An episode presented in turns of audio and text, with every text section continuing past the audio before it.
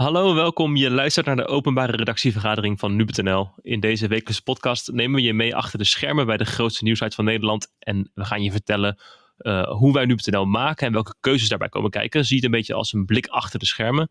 Mijn naam is Colin van Hoek, adjunct hoofdredacteur van nu.nl. En welkom bij de Week van Nu.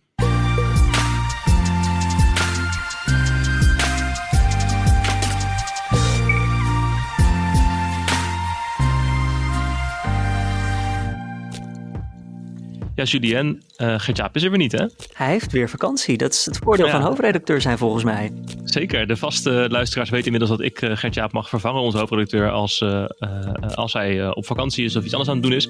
Dus deze week zit ik hier en ik zit zelfs volgende week ook weer hier. Oh, Oké, eindelijk twee weken achter elkaar, Colin. Twee weken achter elkaar, ja. Volgende week is hij niet meer op vakantie, heeft hij een belangrijke vergadering met de directie, dus hij moet zich goed op voorbereiden. Dus dan is hij niet beschikbaar. Maar um, ik mag het twee weken doen en daar ben ik heel blij mee, zoals jij weet. Ja, en naar de onderwerpen, die zijn er genoeg. Dus ja, Colin, volgens mij hebben we vandaag ook weer een hele mooie week van nu voor de boeg. Ik uh, denk het ook. En uh, aangeschoven is uh, Matthijs Lelou. Matthijs, welkom. Hallo, dankjewel. Um, redacteur Buitenland. Ben je dat eigenlijk officieel?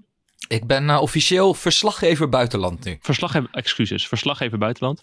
Um, jij volgt voor ons onder andere de aanloop naar de Amerikaanse verkiezingen. Natuurlijk veel meer dan dat. Maar daar gaan we het deze week over hebben. Want er is rondom die verkiezingen en de aanloop daar naartoe iets misgegaan deze week. Hè? Ja, uh, deze week is uh, de Democratische Nationale Conventie. Dat is de grote partijbijeenkomst, vierdaagse partijbijeenkomst, waar presidentskandidaten altijd officieel hun nominatie krijgen voor de verkiezingen. Um, daar worden altijd toespraken gehouden door allerlei partijprominente andere mensen. En dit keer werd er ook een toespraak gehouden door voormalig First Lady Michelle Obama. Dat is natuurlijk een bijzonder bekende figuur. Um, wij uh, hebben een video gemaakt van die toespraak. Waarin zij aan het woord werd gelaten. en er ontstond bij ons toch een beetje discussie over of wij ons hier niet schuldig maakten aan zendtijd voor de politieke partijen. Ja, want die discussie ontstond nadat de video online stond. Hè? En misschien um, ook al, ik verklapte alvast even, we, we, hadden hem achteraf niet willen plaatsen. Maar misschien moeten we er toch even naar luisteren. Omdat de luisteraars dan wel begrijpen waar het over hebben. Um, Julien, misschien een stukje laten horen? So let me be as honest and clear as I possibly can. Donald Trump is the wrong president for our country. He has had more than enough time to prove that he can do the job, but he is clearly in over his head. Uh, Matthijs, uh, wat, uh, er ontstond dus discussie toen dit online kwam. Jij zag dit en toen, wat dacht je toen? Nou, ik dacht eigenlijk, dit geeft niet helemaal de balans weer waar wij in onze politieke berichtgeving naar streven. want mevrouw Obama die werd nou, zeg, anderhalve minuut aan het woord gelaten. Eigenlijk zonder veel verdere context. Zij viel in haar toespraak, viel zij president Trump vrij hard aan.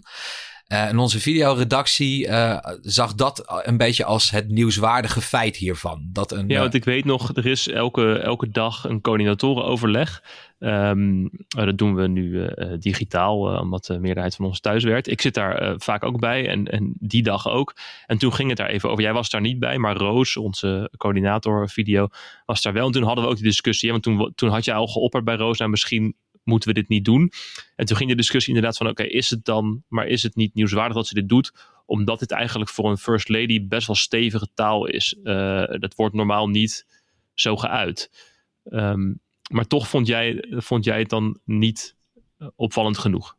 Nee, en, en dat heeft een beetje te maken met de, de tijden waarin we leven. Ik klink nu wel een beetje als een oude man, maar... Uh... en heel zwaar ook. ja, ja, ja. Nou, ik uh, zal kijken of ik het wat lichtvoetiger kan brengen. Maar nou ja, het presidentschap van Donald Trump in de afgelopen vier jaar... heeft natuurlijk een hele hoop veranderd. En een hele hoop een beetje historisch ongeëvenaarde gebeurtenissen met zich meegebracht. Um, en, en dan dacht ik eigenlijk van, ja maar goed, als, ik, als we dat als maatstaf moeten hanteren, van is dit ooit eerder gebeurd, is dit ongebruikelijk, ja dan kunnen we in de afgelopen week, uh, hadden we alleen al uh, tien berichten kunnen schrijven over de dingen die president Trump zegt. Want die, dat is ook nooit eerder voorgekomen dat een president zich zo uitlaat.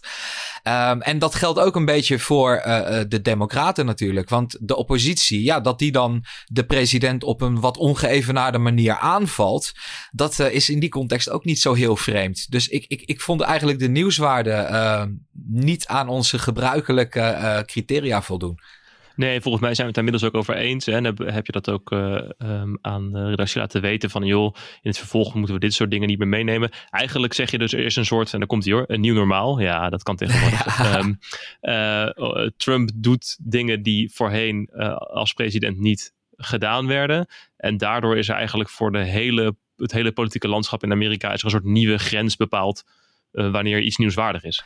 Ja, en wat er nog bij komt, is dat er in de afgelopen maanden in de VS natuurlijk sprake was van twee, en daar komt dat woord weer, ongeëvenaarde crisis.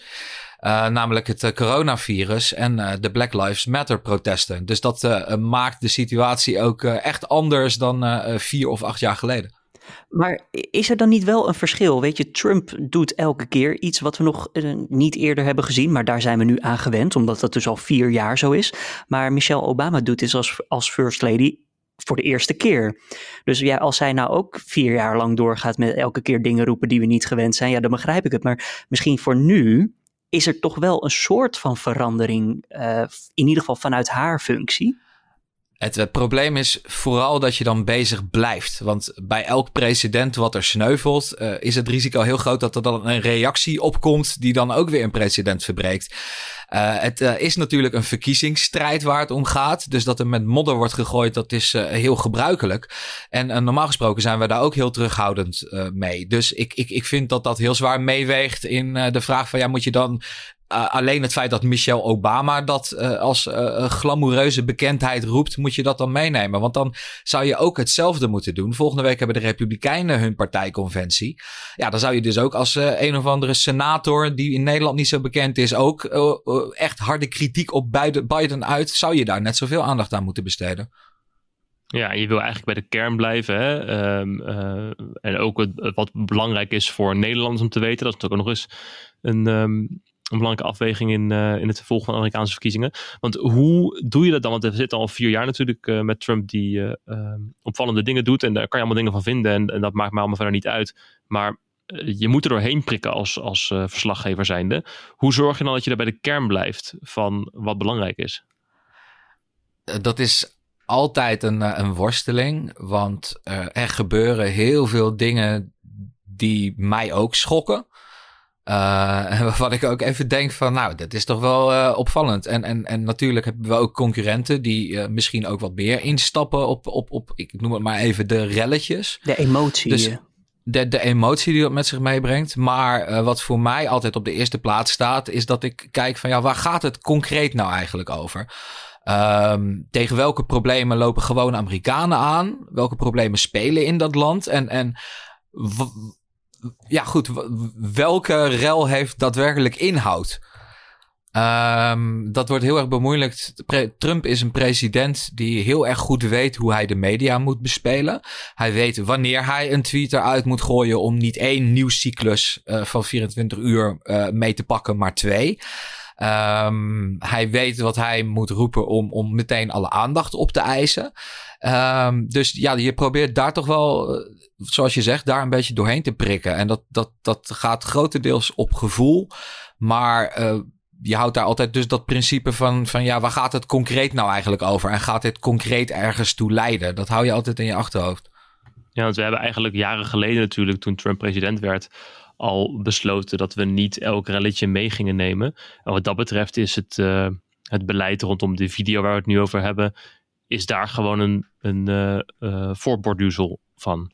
Ja, het, het, het belangrijkste is gewoon, de, de verkiezingsstrijd gaat tussen Joe Biden en Donald Trump. Die nemen het op 3 november tegen elkaar op. En dan wordt uh, in de weken daarna duidelijk wie, wie de nieuwe president van de VS wordt.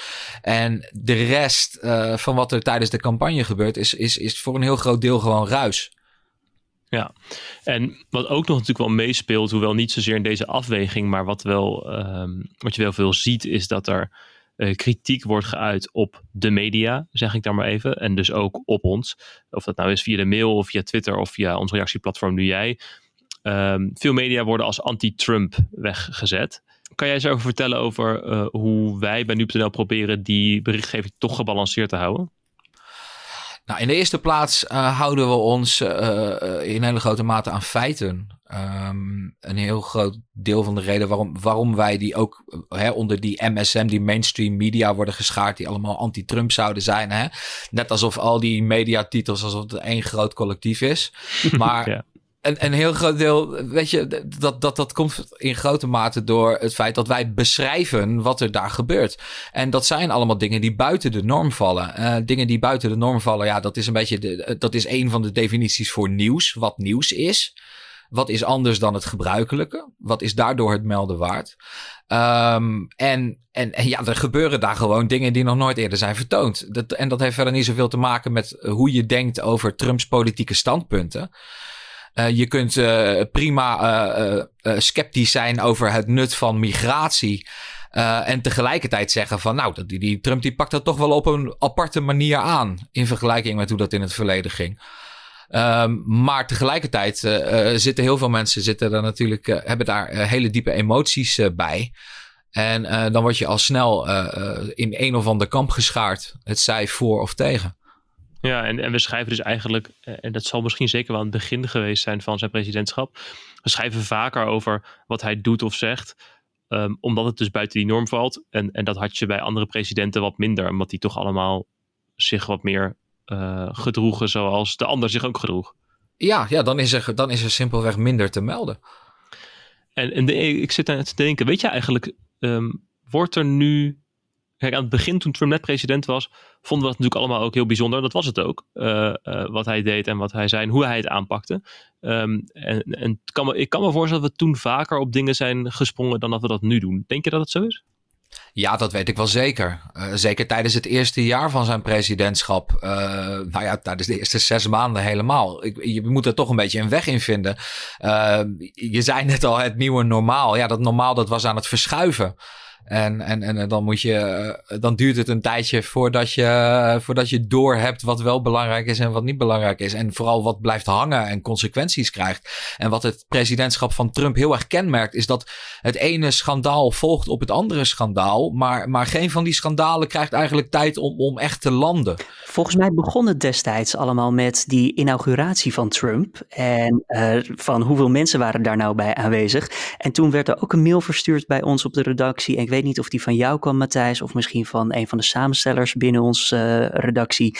Van het Witte Huis is ook maar een bron. Daar moeten we extra op letten. Denk na, wie zegt het, waarom zeggen ze het en wat willen ze ermee bereiken? Ja, dat ging inderdaad om, om, om de uh, aantallen mensen die bij die inauguratie uh, zouden zijn geweest. En volgens Trump waren dat uh, historisch grote menigte. Um, terwijl uit fotografisch bewijs toch al snel bleek dat de, werkelijkheid iets anders lag. Um, en dat was een beetje de eerste confrontatie met de alternative facts, zoals de, een woordvoerder van Trump die noemde.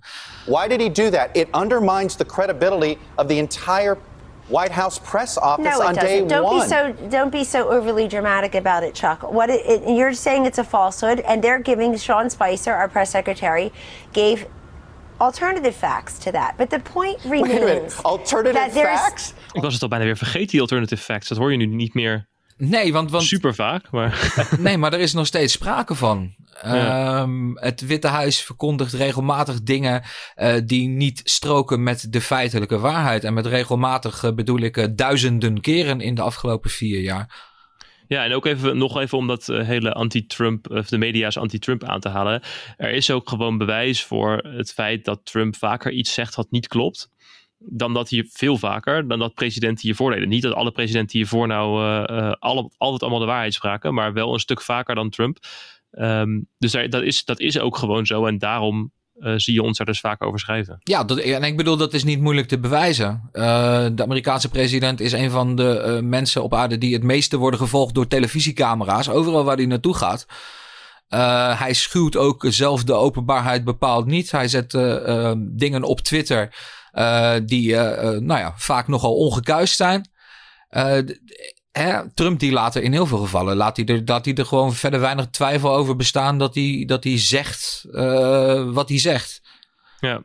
En het grappige is eigenlijk ook, en, en dat vergeten mensen, denk ik, of ik kan me dat voorstellen, dat, dat mensen dat vergeten als ze die berichten lezen. Wij hebben het nu ook al heel lang over hoe hij doet, maar niet over zijn beleid. En dat is, um, we zijn dus niet anti-Trump, want we hebben het, het, het gaat, uh, het gaat over, over zijn gedrag. En dat is bijzonder. Maar als hij, uh, um, als hij goed beleid uitvoert, dan zijn wij, schrijven wij natuurlijk ook over. Ja, ik bedoel, nou, om als voorbeeld te nemen, het ging voordat de coronacrisis uitbrak, ging het heel goed met de Amerikaanse economie. Ja, het is niet alsof het daar dan een geheim van maakte of zo. Nee, daar hebben we ook vaak over geschreven, net over records uh, op, de, op de beurs en dat soort dingen. Hey, en net had jij het over van uh, de eerste half jaar van zijn presidentschap. Toen schreven we echt veel meer nog over die dingen die allemaal opvallend waren, omdat het allemaal nieuw was. Um, nu gaan we verkiezingen in. De eerste verkiezingen met Trump als president. Hij heeft natuurlijk al eerder meegedaan aan verkiezingen. Um, zijn dit dan toch wel andere verkiezingen dan vier jaar geleden? Of verwacht je een beetje hetzelfde? Nee, dit, dit zijn volkomen andere verkiezingen. De omstandigheden zijn echt heel anders. Uh, we noemden de coronacrisis en de Black Lives Matter protesten al. Ik, daar was vier jaar geleden geen sprake van. Uh, je kunt ook bepaald niet zeggen dat uh, Joe Biden en Hillary Clinton een vergelijkbaar profiel hebben. Of dat zijn hele andere kandidaten. En wat fundamenteel anders is, is dat vier jaar geleden was Trump een, een politicus die vanuit het niks opkwam. Echt in het begin de underdog. Um, die beloofde radicale verandering. nu heeft hij vier jaar in het Witte Huis gezeten en heeft hij vier jaar geregeerd. Dat, dat is heel anders. Verwacht je ook dat het voor ons werk anders is? Dat we dus weer nieuwe dingen, dat we moeten beseffen dat er weer andere dingen gaan gebeuren, uh, dat er een nieuw normaal is, dat er andere grenzen zijn? Of zitten die wel redelijk op hetzelfde niveau van vier jaar geleden? Nee, daar zitten ook hele grote verschillen in. En, en de meest in het oog springende daarvan is uh, de traditionele verkiezingsnacht normaal gesproken dan uh, gaan we met een paar mensen, een klein clubje, gaan we s'nachts op de redactie zitten en dan uh, laten we bitterballen aanrukken. Een van de leukste momenten van het jaar, van de, een van de vier jaar uh, eigenlijk altijd. Ja, dat is, dat is heerlijk. Dat is altijd erg gezellig en tegelijkertijd toch een beetje topsport. Um, en, en dit jaar, door de coronacrisis vooral, is de kans heel groot dat dat er gewoon niet komt. Want uh, de kans is heel groot dat we niet in de nacht van 3 op 4 november weten wie de verkiezingen gewonnen heeft. Tenzij een van beide partijen een uh, dermate grote overwinning behaalt dat het, uh, dat het wel duidelijk is. Maar die kans die is vrij klein. Dus het kan zomaar weken duren voordat we dat weten. dat is iets waar we ons wel heel erg op, op moeten instellen. En nou is altijd de verkiezingen in Amerika zijn altijd uh, glad gepaard met moddergooien, hè, met schandalen en uh, dat soort dingen. Wordt dat, wordt dat dit jaar nog anders dan normaal of, of wordt het gewoon zoals altijd? Nou, ik, de, je, hebt al wel, je kunt al wel een beetje zien. Je hebt ook wel in de afgelopen week een beetje kunnen zien dat de heftigheid. Uh, het ligt er allemaal wel weer vrij dik bovenop. Dat was in uh, 2016 was dat ook wel zo. Um, maar. Um, nou ja, het, het ziet er toch wel naar uit ook dat, dat nog de Democraten, nog Trump uh, de zweep sparen op dit moment. En hoe ga jij ermee om dan als verslaggever? Want dan gaat dus, gaan er dus weer heel veel dingen geroepen worden. Maar wel door de twee mensen waar het om gaat. Uh, niet door Michelle Obama, maar door Biden of door Trump zelf.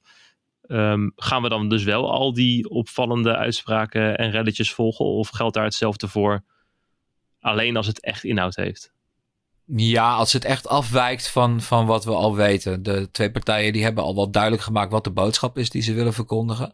Uh, voor Trump en de Republikeinen is dat als je op Biden stemt, dan uh, wordt het het land overgenomen door extreem links. Die gooien alle grenzen open en nou ja, ga zo maar door. Voor de Democraten is het als je niet op Biden stemt, dan is de weg helemaal vrij voor Trump om een dictator te worden. En dan uh, gaat het land ook brandend ten onder. Dus die, die, die boodschappen, die tegenstelde boodschappen, die zijn wel duidelijk. Dat zijn twee vrij heftige boodschappen. Uh, als de kandidaten die boodschappen verkondigen, en dat zullen ze zeker doen, vele malen in de belangrijke swingstaten in de komende maanden. Ja, daar gaan wij niet elke keer op instappen, want daar maak je onze lezers ook niet veel wijzer mee. Nee. Nee, en, en zijn er manieren waarop we uh, mensen wel uh, aan de hand kunnen nemen in, dit, uh, in deze komende periode, deze komende maanden? Zeker. ik bedoel, we blijven naar de peilingen kijken. Die zijn een momentopname en die zeggen natuurlijk lang niet alles. Nee, dat weten we natuurlijk van vier jaar geleden. Mensen zijn er heel sceptisch over nu. Is, daar iets, is dat terecht? Moeten we daar sceptisch over zijn? Um, nou goed, enige gezonde sceptisch is altijd goed. Um, maar uh, de peilingen zijn in de eerste plaats zijn de meeste peilingen beter dan vier jaar geleden. Omdat de fouten die toen werden gemaakt, daar is voor gecorrigeerd. Uh, tegelijkertijd heeft het ook heel erg te maken met ja, hoe zie je zo'n peiling? Als je dat echt ziet als een voorspelling van, van Biden of Trump gaat winnen.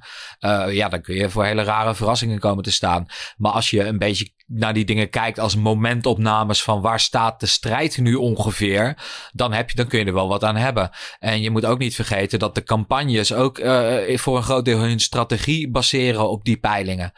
Dus wat dat betreft uh, heeft het wel enige samenhang met wat er tijdens zo'n campagne gebeurt. Je noemde dus de peilingen zijn een, een, manier om mensen een beetje houvast te geven de komende maanden. Zijn er andere dingen die wij doen of gaan doen? Ja, we gaan mensen natuurlijk uh, uitleg geven over hoe het Amerikaanse kiesstelsel ook alweer werkt. Want dat uh, zit wat anders dan in Nederland. En uh, bij de meeste mensen is dat wel weer een beetje weggezakt, denk ik.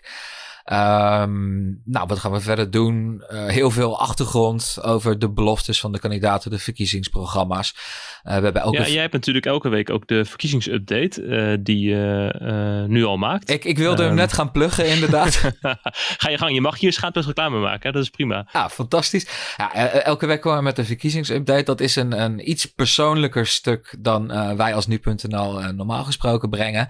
en het is een beetje mijn rondgang uh, langs verschillende onderwerpen die in de context van de verkiezingen uh, langskomen. Daar ga ik even kort op in. Bied ik wat extra duiding, wat extra context, links naar interessante stukken van anderen, uh, dat soort werk. Ja, die komt elke vrijdagmiddag online hè? Ja, klopt. En mensen kunnen zich abonneren op de tag verkiezingsupdate. En uh, dan krijgen ze ook een seintje als hij uh, wordt gepubliceerd. Ja, dus dan moet je even het stuk uh, van Matthijs opzoeken in onze app. Want daar kan je je abonneren op een tag. En dan krijg je dus een pushbericht uh, als er een nieuw stuk is. En uh, ik lees hem altijd met veel plezier, maar ja, dat is een beetje wij van WC Eend. Maar er wordt ook op, nu jij ons reactieplatform altijd wel positief gereageerd. mensen vinden het leuk om te lezen. Word ik altijd goed gelezen volgens mij. Ik mag niet klagen.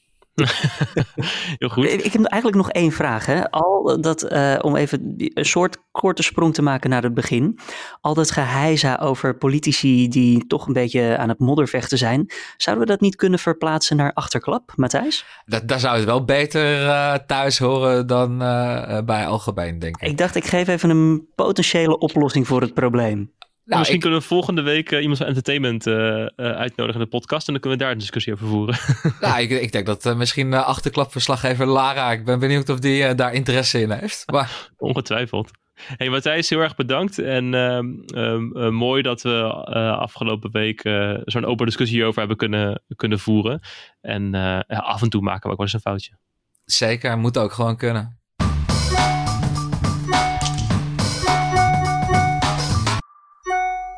Dan kunnen we door naar de post, Colin. Ja, mijn favoriete moment. Zeker, er is gemaild door Indra. En uh, ze schrijft er ook bij: Ik hoop dat deze vraag wordt meegenomen in de openbare redactievergadering. En dat die dan vrijdag te beluisteren is. Nou, Indra, je hebt geluk, want bij deze. Uh, ze wil even een opmerking maken naar aanleiding van een eerdere vraag over entertainment nieuws in de Dit Wordt Het Nieuws podcast. Uh, we hebben het bijvoorbeeld onlangs gehad over Johnny Depp en Amber Heard. En uh, zij laat weten, nou, ik vind eigenlijk wel fijn dat er af en toe ook iets anders komt dan alleen het harde nieuws. Want iedere ochtend corona of Trump is niet altijd leuk. Dus dan komt zoiets als Johnny Depp en Amber Heard wel eventjes als een fijne verrassing. Ja, maar er was eigenlijk was wat kritiek op hè, van andere lezers. Uh, waarom behandelen jullie dit soort dingen? Dit is niet belangrijk nieuws. Maar we hebben ook mensen die het wel fijn vinden, inderdaad. Een heleboel mensen zelfs. En uh, nou, daarnaast heeft Indra ook nog een andere vraag, maar ze weet niet of wij hem kunnen beantwoorden. Nou, we gaan ons best doen. De corona-app is online gekomen en mensen kunnen hem gebruiken, schrijft Indra. Althans, op dit moment als je in een bepaald deel van het land woont. En vanaf 1 september is het de bedoeling dat hij voor heel Nederland zal werken. Uh, wat zij schrijft, als ik het goed begrijp, moet je de GGD bellen en daar kan je dan met een test laten afnemen als je en als je positief test, kan de GGD iets openzetten zodat jij met jouw telefoon anderen kan waarschuwen. Als zij in ieder geval ook die corona-app hebben. Maar wat ik dan niet begrijp, al dus Indra, dat als je corona hebt, dan mag je toch niet eens naar buiten. Dus waar is die app dan voor? Je kan wel een app hebben om mensen te waarschuwen, maar als je toch niet naar buiten mag en niet bij mensen überhaupt in de buurt mag komen, waarom hebben we dan zo'n app nodig? En volgens mij waar het een beetje ja. neerkomt, stel je krijgt die waarschuwing van je hebt corona, of tenminste uh, je hebt mogelijk corona omdat je bij, bij iemand in de buurt bent geweest die het heeft, laat je testen moet je dus de deur uit om je te laten testen, terwijl je het misschien hebt en op dat moment ben je misschien al besmettelijk voor. Nou ja, ik begrijp de vraag van Indra, maar misschien, uh, Indra, als het niet klopt, moet je het vooral nog een keer mailen, dan gaan we hem nog een keer behandelen. Maar ik snap voor mij dat zij vraagt, ik ben positief getest, en dan heb ik toch niks meer aan die app, maar die app kijkt ook naar het verleden, dus die app heb je op je telefoon staan al voordat je getest bent. als je vervolgens positief test op zondag, Um, dan krijgen de mensen die jou um, uh, zaterdag en vrijdag en donderdag bijvoorbeeld ook, gezien hebben of bij jou in de buurt geweest zijn, die, krijgen dan, die kunnen dan zien van joh, je bent met iemand bij iemand in de buurt geweest die uh, positief getest is. Dus laat je ook testen.